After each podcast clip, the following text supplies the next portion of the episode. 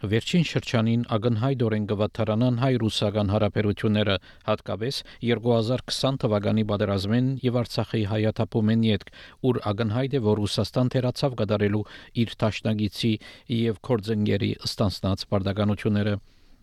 Վերջին ռուսական հագահայ արտահայտությունները մեկն էր ռուսական առաջին ալիքի հագահայ հաղորդումը ու ռուսական pedagogan հերադեսիլի ալիքը գծաղրեր Հայաստանի վարչապետը եւ Փարսարասիջան Պաշտոնյաները եւ ագնհայտ սուդերով կպաշտպաներ ադրբեջանական դեսագետները Հաղորդումի մասնակցած էին նաև ինտիմատիր ուժերու գոմնագից որոշ հայեր Հերադեսիլի հաղորդումը հերարցակված էր Հայաստանի մեջ արի տալով գոչերով, որ փակվին ռուսական հերարցակումները Հայաստանի տարածքին։ Այժմ լսենք Հայաստանի հոմեկ հանրային հերադեսիլի հաղորդումը այս հարցով։ Հիշեցնեմ, որ Հայաստանի հոմեկ հանրային հերադեսիլի հաղորդումները կրնակ դիտել SBS-ի World Watch հերադեսիլի 35-րդ հալիկեն, բացի երկուշաբթի օրերեն ամեն օր գեսորի այդ ժամը 3-ին հաղորդումները կրնակ դիտել նաև որևէ ժամանակ SBS on demand կայքեն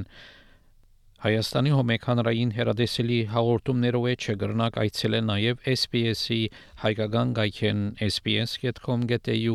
Քծիկ Armenian. Սեփական ցախողումներն ու գործընկերային պարտավորությունների չկատարումը արդարացնելու համար Մոսկվան անցել է բացահայտ սադրանքի։ Մի երկրում, որտեղ մամուլը պետական տոտալ վերահսկողության տակ է, պետական հերոստալիքը ծաղրում է դաշնակից երկրի լեգիտիմ ղեկավարին, բարձրաստիճան պաշտոնյաներին ու կարեկցանքով խոսում հասարակության ու ժողովրդի մասին, որը ըստ նրանց պարզապես խապված է։ Կրեմլից թելադրվող մեթոդական ձեռնարկով աշխատող լրատվամիջոցների մոտ սակայն ռոպագանդան արդեն այնքան լավ չի ստացվում, որ մասնագետների կարծիքով հակառակ ազդեցությունն է թողնում։ Հայաստանցի ու ռուսաստանցի փոքր տրամաչափի հյուրերով հաղորդման ընթացքում մանիպուլյացիաներն արվում են մեծ ու փոքր ստեր սխալներ թույլ տալով։ Ենթադրաբար շատ ծախս պահանջած, բայց էժանագին ներկայացում հիշեցնող հաղորդմանը թերևս կարիք չլիներ մեր եթերով անդրադառնալու, եթե այն հերարցակված չլիներ հայաստանցիներիս համար։ Ռուս ռոպագանդիստների աշխատանքի գնահատականը Նիկոլայ Ավետիսյանի ռեպորտաժում։ Ստեր, կեղծիքներ, վիրավորանքներ։ Ռուսական առաջին ալիքի տիկնիկներ տուտիի ժառանգները հաղորդման հոկտեմբերի 23-ի մոտ 54 րոպեանոց թողարկումը նվիրված էր Հայաստանի իշխանություններին եւ վարչապետ Նիկոլ Փաշինյանին։ Թողարկումը վերնագրված էր Նիկոլ Փաշինյան, փորձանքի գուշկան։ Թողարկման սկզբում իբր ինչ որ ուղի խոսքի մեջ բերում են տեղադրել, թե 2007-ին Նիկոլ Փաշինյանն ասել է, որ Արցախը գլխացավանք է եւ այն հանձնելով Հայաստանը ճանապարհ կստանա դեպի Ադրբեջան, Թուրքիա եւ Իրան։ Այնիշ նման հայտարարություն թե ընդդիմադիր գործ չի, թե երկրի ղեկավարի կարգավիճակում Փաշինյանը երբևէ չի արել։ Այն իրավիճակում, որ Հայաստանն այս պահին գտնվում եւ այն պահին, որ դե յուրե, հա, ոչ դաշնակից, եթե այդպես անվանենք երկրի նախարարներն են ժամանում Հայաստան աջակցելու, օժանդակելու ֆինանսական, մարդկային եւ այլ ռեսուրսներով, այդ նույն ժամանակ մեր դաշնակից երկրի հերոստատեսությամբ իհարկե նման բան տեսնելը, ինչպես առնվազն ոչ գործընկերային է։ Բայց մի կողմից էլ կարող եմ ասել, որ ըստ էության որոշակի առումով նաև այդ հաղորդումները կամ այդ անձանց կողմից բարբերաբար հնչող այդ կեղծ թեզերը որոշակի նաև օգնում են հայ հասարակությանը շատ པարզ տեսնելու, թե ովքեր են իրականում Հայաստանի դաշնակիցները։ Թողարկման բանախոսներից Ալեքսանդր Արտամոնովը պնդեց, որ Սյունիքում ադրբեջանական 6 գյուղ կա, որոնք պահանջում է Բաքուն։ Այնինչ Բաքվից պաշտոնական նման հայտարարություններ չեն արվել։ Սա աղբեր, սա մեդիա աղբեր եւ նաեւ մեդիա տերոր կարող ենք որակել, որը նայելը բավական այդպես լուրջ նյարդեր էր պահանջում լրագրողական տեսանկյունից այստեղ հակալրագրություն էր. բազմաթիվ փաստական սխալներով, բազմաթիվ բարիզ բուն իմաստով ստերով։ Մեկ այլ բանախոս էլ Օլեգ Բարաբանովն անդրադառնում է Վալդայ ակումբում Ռուսաստանի նախագահ Վլադիմիր Պուտինի Լեռնային Ղարաբաղի բանակցային գործընթացի մասին հայտարարություններին, նշելով թե իբրև Պուտինն ասել է, որ հենց Փաշինյանն է մերժել հանձնել 7 շրջանն ու ասել, որ կկռվեն Ղարաբաղի համար։ Մինչդեռ իրականում Պուտինը խոսում էր Հայաստանի տասնամյակներ շարունակ ունեցած իր կողմնորոշման մասին։ Բարաբանովը պնդել է նաև, թե 2020 թվականի 44-օրյա պատերազմի սկզբնական շրջանում պայմանավորվածություն է ձեռք բերվել կանգնեցնել զորքերն իրենց զբաղեցրած դիրքերում, ինչին իբր կողմ է եղել Ադրբեջանը, սակայն հրաժարվել է Հայաստանի վարչապետը։ Իսկ իրականությունն այն է, որ 2020-ի հոկտեմբերին Ռուսաստանի միջնորդությամբ ձեռք բերված զինադադարը հենց Ադրբեջանն է խախտել։ Թե Արտամանովը, թե Բարաբանովը ռուսական փորձագիտական դաշտում աչքի են ընկնում պրոադրբեջանական թեզեր հնչեցնելով։ Ինչքան էլ փորձ են անում նման հաղորդումների միջոցով ազդել Հայաստանի հասարակական կարծիքի վրա, դա իհարկե երբեմն նույնիսկ հակառակ արդյունքի է բերում, որտեղ Հայաստանի հասարակությունը բավականին բացասական է վերաբերվում այսօր ռուսական հերոստալիքներին, Ռուսաստանի իշխանություններին, այն դավաճանական քայլերից հետո, որոնք որ ուրեմն Կրեմլը իրականացրեց արդեն վերջին 3 տարիների ընթացքում, եթե ոչ ավել 16 թվականից եթե չվերցնենք, հա, ըստ էության դա անվտանգության բաղադրիչը վնասելու փորձ է որովհետև տեղեկատվությունը, տեղեկատվական դաշտը դա անվտանգային բաղադրիչներից մեկն է եւ անվտանգային terror-ը հենց այն է ինչ որ անում է այսօր Ռուսաստանի հերոստանգերությունները։ Իդեպ հաղորդման վարող Մարիա Բուտինան 2016 թվականին 28 տարեկանում ուսանողական վիզայով գնացել է ԱՄՆ։ Այնուհետև աշխատանքային վիզայի համար դիմել է ԱՄՆ իշխանություններին եւ այն հաջողությամբ ստացել։ 2018 թվականի հուլիսին նա ձերբակալվել եւ դատապարտվել է 18 ամսվա ազատազրկման Ռուսաստանի կառավարության օգտին ապօրինի աշխատելու դավադրության համար։ Պուտինան դատարանին խնդրել է մեղ պատիժ կիրառել, գործակցել է հետաքննության հետ եւ ընդունել մեղքը։ Նա վերադարձել է Ռուսաստան 2019 թվականի հոկտեմբերին, 15 ամիս ԱՄՆ մի քանի քրեակատարողական հիմնարկներում անցկացնելուց հետո, իսկ 2021-ին դարձել է Ռուսաստանի Պետական Դումայի իշխող Միացյալ Ռուսաստան խմբակցության падգամավոր։ Այս հաղորդումը միայն եւ միայն վնաս հասցրեց հայ-ռուսական հարաբերություններին եւ ես կարծում եմ, որ Ռուսաստանի քաղաքական ղեկավարությունը առնվազն պետքա որոշակիորեն միջամտի եւ իր խոսքը նաեւ ասի այս նման բովանդակ հաղորդումների շրջանակում, որտեվ տեսեք Ռուսաստանի Դաշնության ղեկավարին, երբ Մարգարիտա Սիմոնյանը ներկայանալով որպես իրեն հրճակելով որպես էթնիկ հայ, ասում է, որ վարչապետին վերեցին արևմտյան ուժերը, նա որպեսի հանձնի Արցախը, Ռուսաստանի Դաշնության նախագահ ուղի հակառակն է ասում եւ ըստ էության հերքում է դա։ Я не могу с вами согласиться с тем, что значит премьер Пашинян Ես համաձայն չեմ ձեզ հետ, որ վարչապետ Փաշինյանը բերվել է իշխանության ինչ որ երկրի կողմից, որպեսի հանձնի Ղարաբաղը։ Ես նրա հետ շփվել եմ բավականաչափ նաև 2020-ի պատերազմից առաջ։ Նա անկեղծ փորձել է ապահովել, որ իրավիճակը պահպանվի։ Ասել, որ նա եկել է Ղարաբաղը հանձնելու, կարծում եմ անարդար է։ Թողարկման ընթացքում վարչապետին համեմատում են Վրաստանի նախկին նախագահ Միխայել Սահակաշվիլիի եւ Ուկրաինայի նախագահ Վլադիմիր Զելենսկիի հետ, փորձելով անընդհատ հերոստատիտողին համոզել, թե ամեն ինչ արևմուտքն է կազմակերպում ու հրահրում, եւ 2018-ին Հայաստանում հեղափոխություն է եղել արևմուտքի պատվերով։ Ռուսական այս ռոպագանդան, որ տասնյակ տարիներ արդեն այդպես ուղակի հասարակ քաղաքացիներից մինչև ամենավերև ուղեղները լվացվել է, իրենք ուղակի չեն կարողանում ընկալել ոնց կարող է պետությունում լինել իրավագիտակից քաղաքացի, ոնց կարող է ընդհանրապես քաղաքացին դուրս գալ պայքարել ինչ որ բանի համար, ոնց կարող է քաղաքացին որոշել ով է իր երկրի ղեկավարը։ Հաղորդմանը նաև հատուկ հյուրեր կային։ Օրինակ Ռոբերտ Քոչարյանի Հայաստան խմբակցության նախկին падգամավոր Անդրանիկ Թևանյանը պնդես է 2008-ի մարտի 1-ի զոհերի մեղավորը Նիկոլ Փաշինյանն է։ Մեր հասարակությունը վերջին 1-2 տարվա ընթացքում կարծում եմ շատ լավ գիտակցում է եւ հիմա արդեն բացահայտ տեսնում է, թե իրականում ովքեր են կանգնած մեր որոշ ընդդիմադիրների թիկունքում եւ որն է նրանց նպատակը։ Այդ ընդդիմությունը, որ այնտեղ ներկայացված էր այդ հերոստահաղորդումներում, ընդհանրապես միշտ իր նարատիվները համընկել են ադրբեջանական նարատիվների հետ։ Սկսած նրանից, որ մեղադրվում էր Հայաստան համարյա պատերազմը սկսելու համար, 2020 թվականի պատերազմը սկսելու համար մեղադրում են Հայաստանի իշխանությունները, այսինքն Հայաստանին։ Այն ինչ որ Ալիևներ նույնը անում, ասում են, դու ես չեմ հարցակվել, իրանք իրանք են սկսել, ես էլ պատասխանել եմ, հա։ Այդպեսով փաստորեն մաքրելով Ալիևի վրա այդ մեծագույն պատասխանատվությունը եւ հանցանքը, որտեղ պատերազմ սկսելը միջազգային օրենքներով հանցագործություն է։ Եվ բայց դա համընկնում է նաև ռուսական նարատիվների հետ, որովհետև ռուսներն էլ են ասում, կոպիտ ասած, մենք ինչի ձեզ պաշտպանենք, եթե դուք եք պատերազմ սկսել, մենք ինչի ձեզ պաշտպանենք, եթե դուք եք սահմանները չեք դելիմիտացնում եւ այլն, մենք չգիտենք որտեղ է այդ սահմանը։ Հաղորդավարը նաև տարիներ առաջ հերկված տեղեկություն տարածեց, թե իբրև վարչապետը 1 միլիոն դոլարանոց ժամացույց է կապում։ Դեռ 2018-ին, երբ այս ապատեղեկատվությունը տարածում էր, վարչապետն իր էջում տեղադրեց հայկական արտադրության ավի ժամացույցների լուսանկար, որոնք նա կրում է եւ որոնցից մեկը վաճառվում է 76 60000 դրամ, մյուսը 105000 դրամ։ Երբ իրենց իսկ այդ թեզերի շրջանակում իրենք տեսնում են դատարկ հրաապարակներ, իրենք տեսնում են ընտրության արդյունքներով ցածր տոկոսներ, իրենք իմ կարծիքով կրկին վերադառնում են ավելի, եթե այսպես ձևակերպեմ, ավելի հիստերիկ շրջան, որը արտահայտվում է հենց այսպիսի հաղորդումներով կամ այսպիսի ելույթներով ու կեղծ թեզերով։ Մենք փոքր պետություն ենք, փոքր հասարակություն ենք եւ կարծում եմ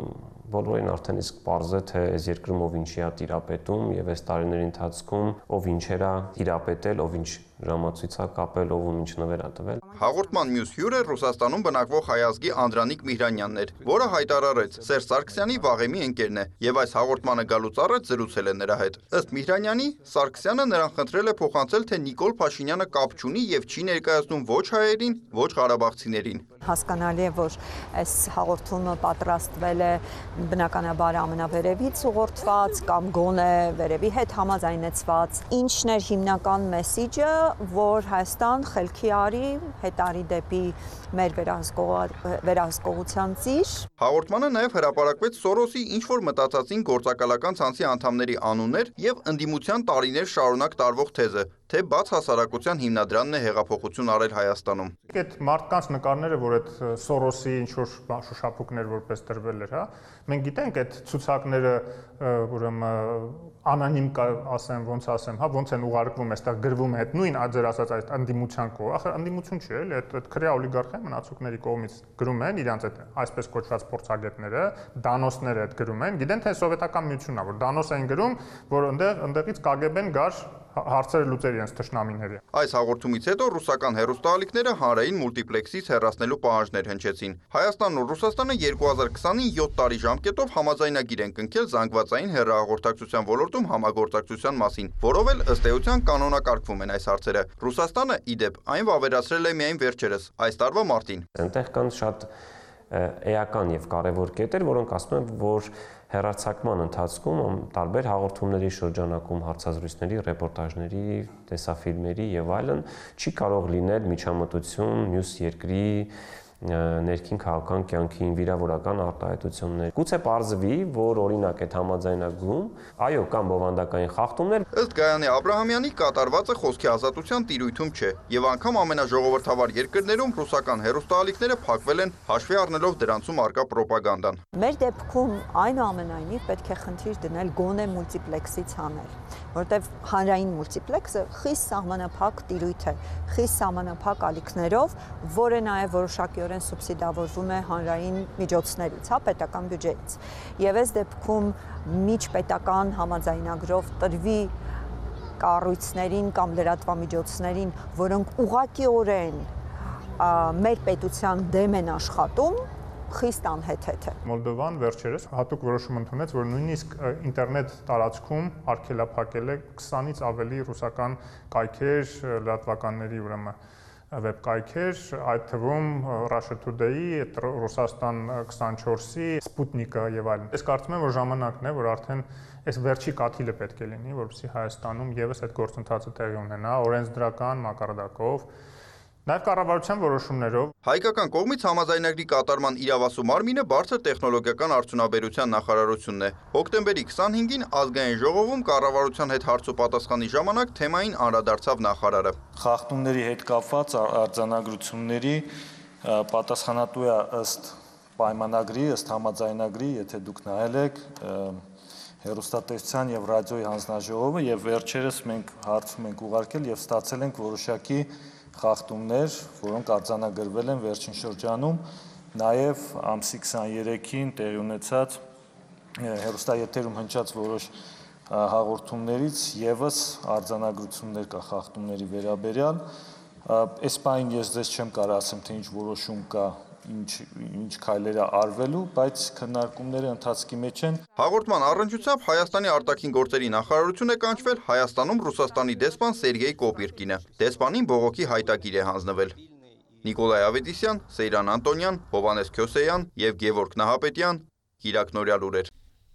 Սյուն հաղորդումը գրգին նվիրված է Հայաստանի ռազմավարական ճաշնագից Ռուսաստանին, բայց այս անգամ Խաղաբահ ուժերուն, որոնց պաշտոններ Արցախահայերու պաշտպանությունը եւ ապահովությունը Սակայն ինչպես բռնի դեղահանված Արցախահայեր կբատմեն, ոչ միայն ռուսական խաղաբահ ուժերը չապահովեցին Արցախահայերու ապահովությունը, այլ նաև բավական հարստացան օգտվելով Արցախահայերու դժբախտ իրավիճակեն եւ անհավատալի քիներով կորձարկներ կատարելով արդեն ներգացության մեջ գտնվող Արցախահայերու հետ գրգին լսենք հոմեգի հաղորդում այս հարցով։ Հայաստանի ռազմավարական դաշնակցի ուժերը Լեռնային Ղարաբաղում պարզվում է ոչ միայն չեն իրականացրել իրենց անմիջական պարտավորությունը ու չեն ապահովել հայերի անվտանգությունը, այլև ուրիշի դժբախտության վրա հարստանալու բավականին հաջողված փորձեր են արել։ Լեռնային Ղարաբաղից բռնի տեղահանված հայերը առասպելական թվերով առևտրի բազմաթիվ օրինակների մասին են պատմում ու դա վստահաբար ամենամեծ հիասթափությունը չէ։ Ռուս խաղաղապահները չկարողացան այնպես անել, որ 2020-ի նոյեմբերի 9-ի հրադադար ենթադրող հայտարարությունից հետո ադրբեջանցիները Լեռնային Ղարաբաղում հայ չսպանեն, նոր տարածքներ չգրավեն։ Չկարողացան այնպես անել, որ Լեռնային Ղարաբաղում գոնե մի քանի հազար հայ մնա ու հիմա իրանց իրենց այնտեղ գտնվելուն ինչ որ բացատրություն լինի։ Բայց այս 3 տարվա ընթացքում կարողացան այնպես անել, որ Ռուսաստանին անվերապահորեն վստահող եւ հավատացող արցախցիներն անգամ դառնությամբ խոսեն նրան նրանց մասին։ Թե ինչպես էր Լեռնային Ղարաբաղը խոպան դարձել ռուսաստանցի սպաների համար, արցախցիները պատմել են Իրինա Մկրչյանին։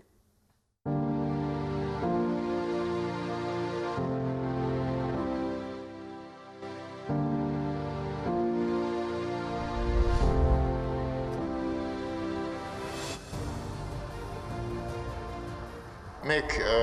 20 լիտրանոց կանիստրը 75000 դրամ Էլի ռուսներից էին կառնում։ Ռուսներից ուրիշ ով կարել։ Չև տոտալ բլոկադան, իրենք լավ փող աշխատեցին։ Իմ կարծիքով ես նույնիսկ այդ արտահայտվել եմ դրա մասին, ասացի Վոլկովը երևի ստեղից Մայբախով է գնալու Մոսկվայի կենտրոնում բնակարան առնի։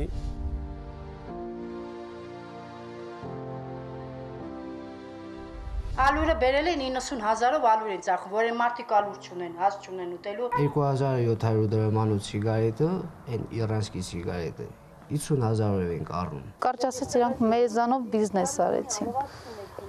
Իրանք դաժե կռվի վախտ իրանք չեն միջը ասում են մենք այդ հրամանը չունենք։ Լեռնային Ղարաբաղից բռնի տեղահանված ու Հայաստանի տարբեր մարզերում հիմա ապաստանած արցախցիներն են պատմում։ Ռուս խաղապաների գործելավոճը ոչ թե միայն այդ ընթացքում, իրանք հենց որ արդեն մտել են Արցախ, առաջի օրվանից էլ կասկածել են։ Մենք հիշում ենք, ասենք, հին թաղեր խծաբերդի դեպքերը, երբ որ գերեվարվեցին ռուս խաղապաների ներկայությամբ մեր զինվորները։ Իրանց բազաները, որ դրված էր ճանապարհներին, հեչ սահմանի վրա չէր։ Ես զարմանում եմ, օրինակ Սոս գյուղում բերել են դրել, Խաչմաշ գյուղի մոտ բերել են դրել։ Դա մեր ճանապարհի վրա է ասֆալտապատ։ Ես պատկերացրել եմ, որ սահմաններին պետք է իրան քլնեն ու մեր զորքը սենց ասած երկրորդ գից, բայց լրիվ հակառակն է։ Եթե մենք ի սկզբանե տեսնում ենք, որ ռուսական դաշնությունը իր խաղապաների մասին խոսում է որպես անվտանգության երաշխավորներ, ապա վերջում այնտեղ խոսում էր ըստ էության, որ իրենք դիտորդներ էին այդտեղ, որոնք ուժ իրավունք ունեն կիրառելու, մենակ եթե իրանց նկատմամբ է ուժ կիրառվում։ Իսկ այդ սկիզբը 2020 թվականի նոյեմբերի 9-ի Երակողմ հայտարարությունից հետո էր։ Հայտնի հայտարարությունը ենթադրում էր, որ Լեռնային Ղարաբաղում անվտանգությունը պետք է ապահովեն ռուս խաղապահները, նաև վերահսկեն Լաչինի 5 կիլոմետրանոց լայնության միջանցքը։ Менее суток прошло с момента подписания соглашения, а десяток самолетов из российского Ульяновска уже на территории непризнанного Нагорного Карабаха. Это почти 2000 вооруженных миротворцев, 380 единиц спецтехники и 90 БТРов. Всего Кремль планирует отправить сюда 22 самолета. Миссия развернется на линии соприкосновения и будет действовать 5 лет с последующим продлением срока. Սակայն 3 տարի էլ չանցած ռուսական պաշտոնական հաղորդագրություններում Ստեփանակերտը դարձել է Խանկենդի։ Ռուսաստանի Դաշնության պաշտպանության նախարարությունն էլ Լեռնային Ղարաբաղի հակամարտության գոտի անվանումն է փոխել Ադրբեջանի Հանրապետության Ղարաբաղի տնտեսական տարածաշրջան անվանումով։ Սա հենց դավաճանությունն է, երբ որ կողմը կողմը, որը որ քեզ տվել է երաշխիքներ անվտանգության, վերջին պայն այդ անվտանգության երաշխիքները չի իրացրել։ Անվտանգության երաշխիքների մասին էին պատմում նաև ռուսական հերոստալիքները խաղաղապահների դերի ու նշանակության մասին իրենց պատրաստած ռեպորտաժներով։ Хотим сказать свою большую благодарность русскому народу и миротворцам, которые прибыли сюда и которые помогли нам, чтобы закончилась война. Огромное вам спасибо. Я думаю, что наш народ наконец-то обретет покой. сегодня сесть за парты, обучаться. 3 տարի էլ չանցած այս աշակերտները դպրոց գնալու հնարավորություն կրկին չունեին, քանի որ չկար ջեռուցում, կրթվելու փոխարեն հացի հերթերում էին։ Ավելի ուշ ստիպված էին պարզապես թողնել իրենց տունը, հաճախ անգամ դպրոցական պարագաները, քանի որ հարկադիր տեղահանման ընթացքում ոչ ժամանակ կար, ոչ էլ մարդատար մեքենաներում կամ արցախցիներին Հայաստան տեղափոխող ավտոբուսներում բավարար տեղ։ Ռուս խաղապանների թե ակցիաների միջոցով թե անմիջապես շփման հանդիպումների ժամանակ մենք շատ ենք խոսացել դրա մասին, դե իրանք երկու ոտը դրած մի կոշիկի մեջ ասում են, գիտեք ինչա, մենք լիարժեք կատարում ենք մեր պարտականությունները։ Ուղղակի անգիրարած ստանդարտ է տեն ասում եւ ինչքան փաստեր ենք բերում, դե հիմա գիտեք ինչա, սպասենք, այս թեզն եմ մտցրել, սպասենք Ուկրաինա պատերազմը կավարտվի, մենք հիմա ի վիճակի չենք դիմադրել թուրք-ադրբեջանական այդ տանդեմին, այդ բլոկին սպասեք Ուկրաինայում, երբ որ պատերազմը կավարտի, մենք իրանց կպատժենք։ Այդ օրերին Լեռնային Ղարաբաղում ակտիվ գործնեությամբ աչքինկած արցախցիների հետ Երևանում հանդիպեցինք։ Ասում են մեկ անգամ չէ, որ ուղիղ հարցադրումներով դիմել են ռուս խաղաղապահներին։ Կոնկրետ հարցերը դրել ենք չեք կարող անեք, բերեք միասին փորձենք անենք։ Եթե միասին էլ հնարավորություն չունենք այս հարցերը լուծենք, բերեք դուք հայտարարեք, որ դուք ի վիճակի չեք լիարժեք ձեր վրա վերցրած պարտականությունների կատարենք, եւ Արցախում անհրաժեշտ է ներգրավել ներգրավել լարացուցիչ լարացուցիչ միջազգային խաղապահ ուժեր բայց դե բնականաբար իրանք այն վերջի խախտումն էլ որ անում են, սենց բանարած, որ մենք ամ ոչ մի բան, ոչ մի խախտում չկա։ Այն վաղտը Վոլկովներ Միրատվորսկի սիլի կամանձիրը ու իր տեղակալի հետ ես տենց պատահական եմ հանդիպել ու ես մի քիչ էմոցիոնալ սկսեցի բորբոքված խոսալ որ ես ինչ եք անում ուր եք տանում խի եք խափեբայությամբ զբաղվում ստե բիզնեսով ես ինչ եք անում я вас понимаю բան տիպը հանգստացեք ես ամեն ինչ կհարթվի եթե շրջափակված Լաչինից այս կողմ մենք տեսնում էինք միայն ռուս խաղաղապահների անգործությունը Լաչինի այն կողմում շփման գծից հեռու ռուսներն ակտիվ գործնեություն էին ծավալում առուծախի տեսքով աստղաբաշխական էին գնել գները Արթուր Օսիպյանն է պատմում։ Այն փուլին, երբ որ խառնուրդները մի ինչ որ չափով աշխատում էին, ռուս խաղապահների միջոցով մթերքեր էր մուծում, այո, գներ էին դրել ու շատ բարձր գներ էին դրել։ Ու սովորական, ասենք, Գորիսից Ստեփանակերտ մի բեռնատար, որ տեղափոխի այդ ապարանքատեսականները, ինքը գինը այդ տեղափոխելու գինը հասնում էր միջև միջև 20000 դոլար։ Այդ 60 կիլոմետր տեղափոխելու համար։ Շրջափակման օրերին լայնամասշտաբ առուցախը մինչև շրջափակումն էլ կար, ցածր գներով, երբեմն պարզապես մի շիշ օղիով։ Կան սերվան բերի մեր արաղով փոխում այդ գյուղի մեջ։ Լաչին իրաց կամ ձիվը կաղնած անունու ձենիսա, ռուսի կամ ձիվներ, այդ 20 թիվին, ասմա 1000 դոլար տուեք դոպորոցիկը իշի քանդեք տարեք։ 40 միլիոն դրամ է գնացել ռեմոնտը պրծելա կռիվը սկսելա ասմա մի միլիոն դրամ տուր 500 հազար տուր կրիչ քանդի տար կոննա խե դու եկել ես տելաչինի կրիչ ծախես Կարեն Հակոբյանը պատմում է ռազմական գործողությունների հետքերը իր վրա կրող այս մեքենայով միաժամանակ 26 երեխա Հայաստան տեղափոխելիս ժամեր ձգվող հերթի պատճառով մի պահ չի կարողացել շարժիչը գործի դնել։ Ռուս խաղապահները բաց չեն թողել փող վաստակելու վերջին հնարավորությունը։ Ասալա ակումուլյատոր ծախը 50000 դոլար, հասես նկարե։ Հասես դիելարան տիալիան եկա։ 200 մետր բուքսի ռուսից կոնկրետ ասամ բուքսիր տու ասմակարամ ակումուլյատոր ծախեմ քո վրա 50000 տու կամազից մեկը հանեմ տամ դե հանելա տու դե մշտայք տուվել եք Լեռնային Ղարաբաղում ապրող հայերը միշտ ամենաջերմ վերաբերմունքն են ունեցել ռուսների հանդեպ, հիշեցնում է քաղաքագետ Արեգ Քոչինյանը, ընդգծում, անգամ պատերազմից հետո ռուս խաղապահների պատասխանատվության գոտում ադրբեջանցիների կողմից տարածքներ գրավելու, գերիներ վերցնելու, խծաբերթի, փարուխի եւ մյուս դեպքերը չէին փոխել այդ վերաբերմունքը։ 20 թվականի պատերազմին հաջորդած շրջանում ռուս խաղապահներին աղուհացով, քաղցրավենիքով էին դիմավորում, Պուտինին պատկերող հսկայական պաստառ էին պատրաստում։ Ռուսաստանի Դաշնության Հանրապետությանը երախտիկի խոսքեր գրում ամենուրեք։ Արցախում նույնպես Ռուսաստանը հաջողացրեց իր նկատմամբ ատելություն առաջացնել։ Եթե օրինակ Ռուսաստանը Հայաստանում եղած հասարակական կարծիքի փոփոխությունները փորձում է իր հիվանդ երևակայության մեջ պայմանավորել ինչ որ արեմտյան գործակալներով, փողերով, գրանտներով, այդ ամեն ինչը Ղարաբաղում չկար, ընդհանրապես չկար։ Այնտեղ կային միայն ռուսներ։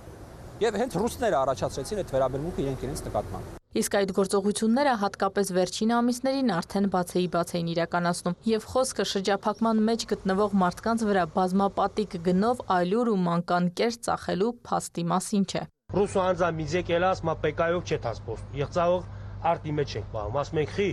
ասմանդեղ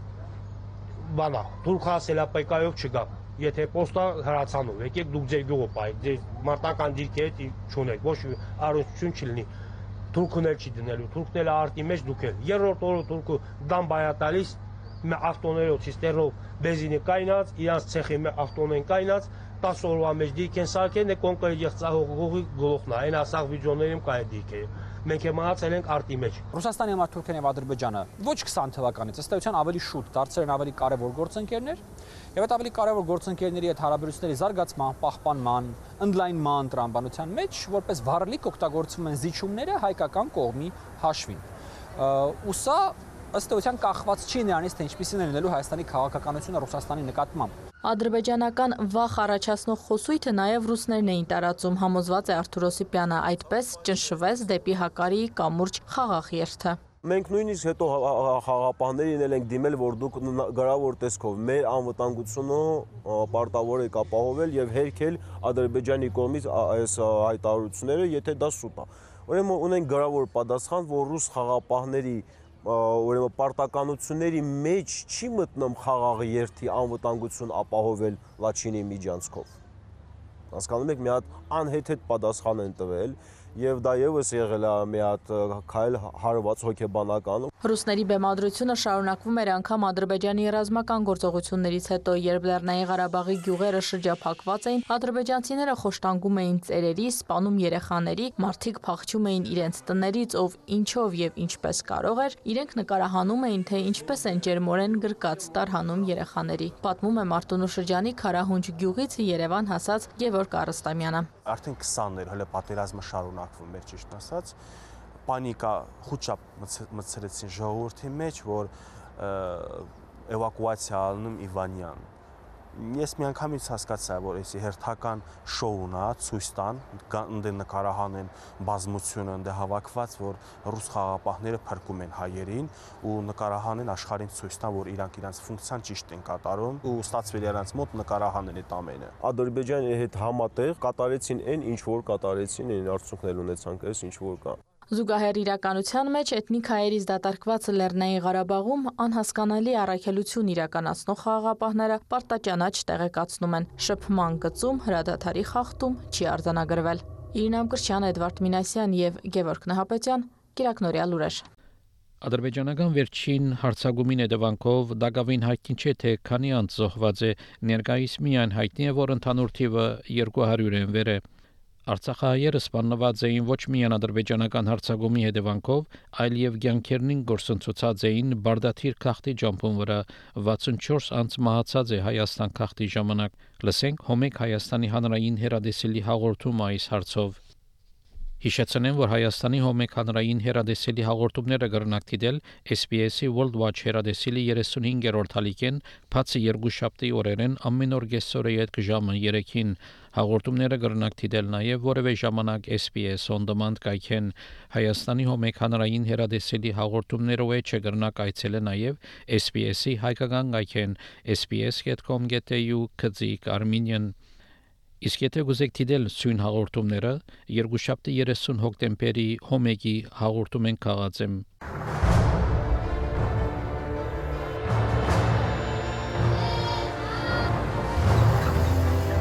Ունենք 200-ից ավել զոհված զինծառայող եւ քաղաքացիական անձ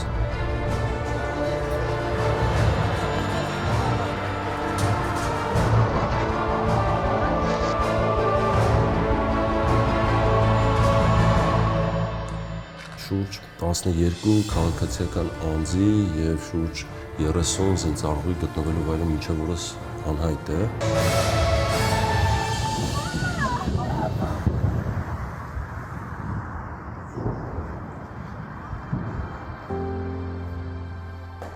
Լեռնային Ղարաբաղի դեմ Ադրբեջանի սանձազերծած ռազմական գործողություններից 1.5 ամիս անց քնչական կոմիտեի զինվորական քնչական գլխավոր վարչությունը մանրամասներ է ներկայացնում։ 2023 թվականի սեպտեմբերի 19-ին ժամը 13:00-ից Ադրբեջանի ռազմաքաղաքական ղեկավարությունը կիրառելով զինված ուժեր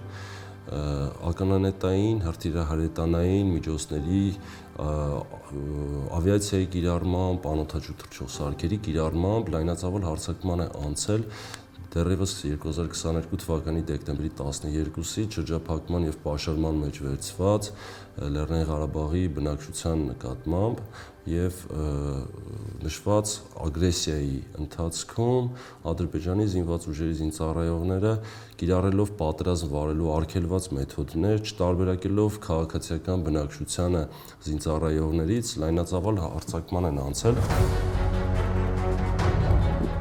Սեպտեմբերի 19-ից 20-ը իրականացված լայնածավալ ագրեսիայի ընթացքում Ադրբեջանի կանխամտածված եւ նպատակաուղված գրողների թիրախ են դարձել Լեռնային Ղարաբաղի խաղաղ բնակչությունը եւ քաղաքացիական օբյեկտները։ Տարբեր զինատեսակներով հրետակոծել են Ստեփանակերտ, Ասկերան, Մարտունի, Մարտակերտ քաղաքները եւ դրանց հարակից բնակավայրերը։ Արձանագրվել են նաեւ խոշտանգման դեպքեր։ Մենք արձանագրել ենք այս պայդրությամբ խոշտանգման 14 դեպք, որոնցից 12-ը զինծառայող են եւ 2-ը քաղաքացիական անձինք են։ Սարսափելի կադրեր, որոնք որ հստակ երևում է ինչպես են հականջախեցիները կտրված, ինչպես է մոտ տարածությունից գնդակահարված եւ սպանված։ Ռազմական գործողությունների հետևանքով սպանվել է քաղաքացիական 9 անձ, նրանցից 3-ը երեխա։ Տարբեր աստիճանի մարմնական վնասվածքներ են ստացել 231 զինծառայող եւ 80 քաղաքացիական անձ։ Ռաֆայել Վարդանյանի խոսքով Ադրբեջանի ռազմաքաղաքական ղեկավարության էթնիկ զտման ծրագրավորված, պլանավորված ու կանխամտածված քաղաքականության հետևանքը եղավ այն, որ սեպտեմբերի 19-ից 20-ը իրականացված ռազմական ագրեսիայի հետևանքով Լեռնային Ղարաբաղի շուրջ 100 հազարից ավելի բնակչություն պետությունը բռնի տեղահանվեց։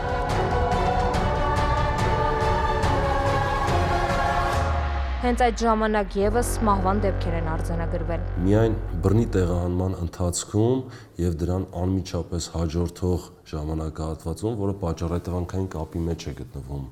գործողությունների հետ, այսինքն սննդի բացակայությունը, դեղորայքի անհրաժեշտ բժշկական օգնության բացակայությունը օրեր շարունակ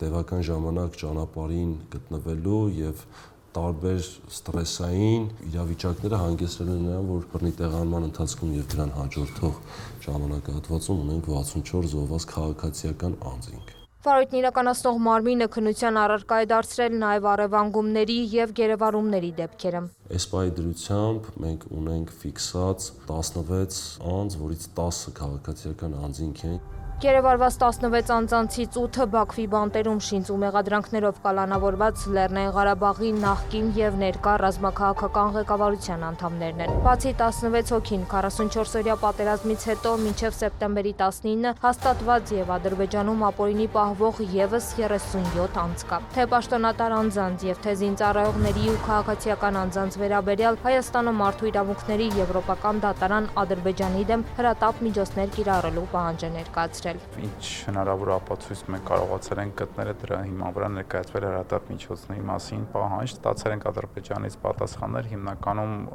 պատասխանները, որոնք վերաբերում են կոնկրետ անձանց, փոխանցում ենք իրենց հարազատներին հիմնականում։ Այս պայծրությամբ 9 անձի մասով մենք ունենք Ադրբեջանի կողմից հաստատում, որ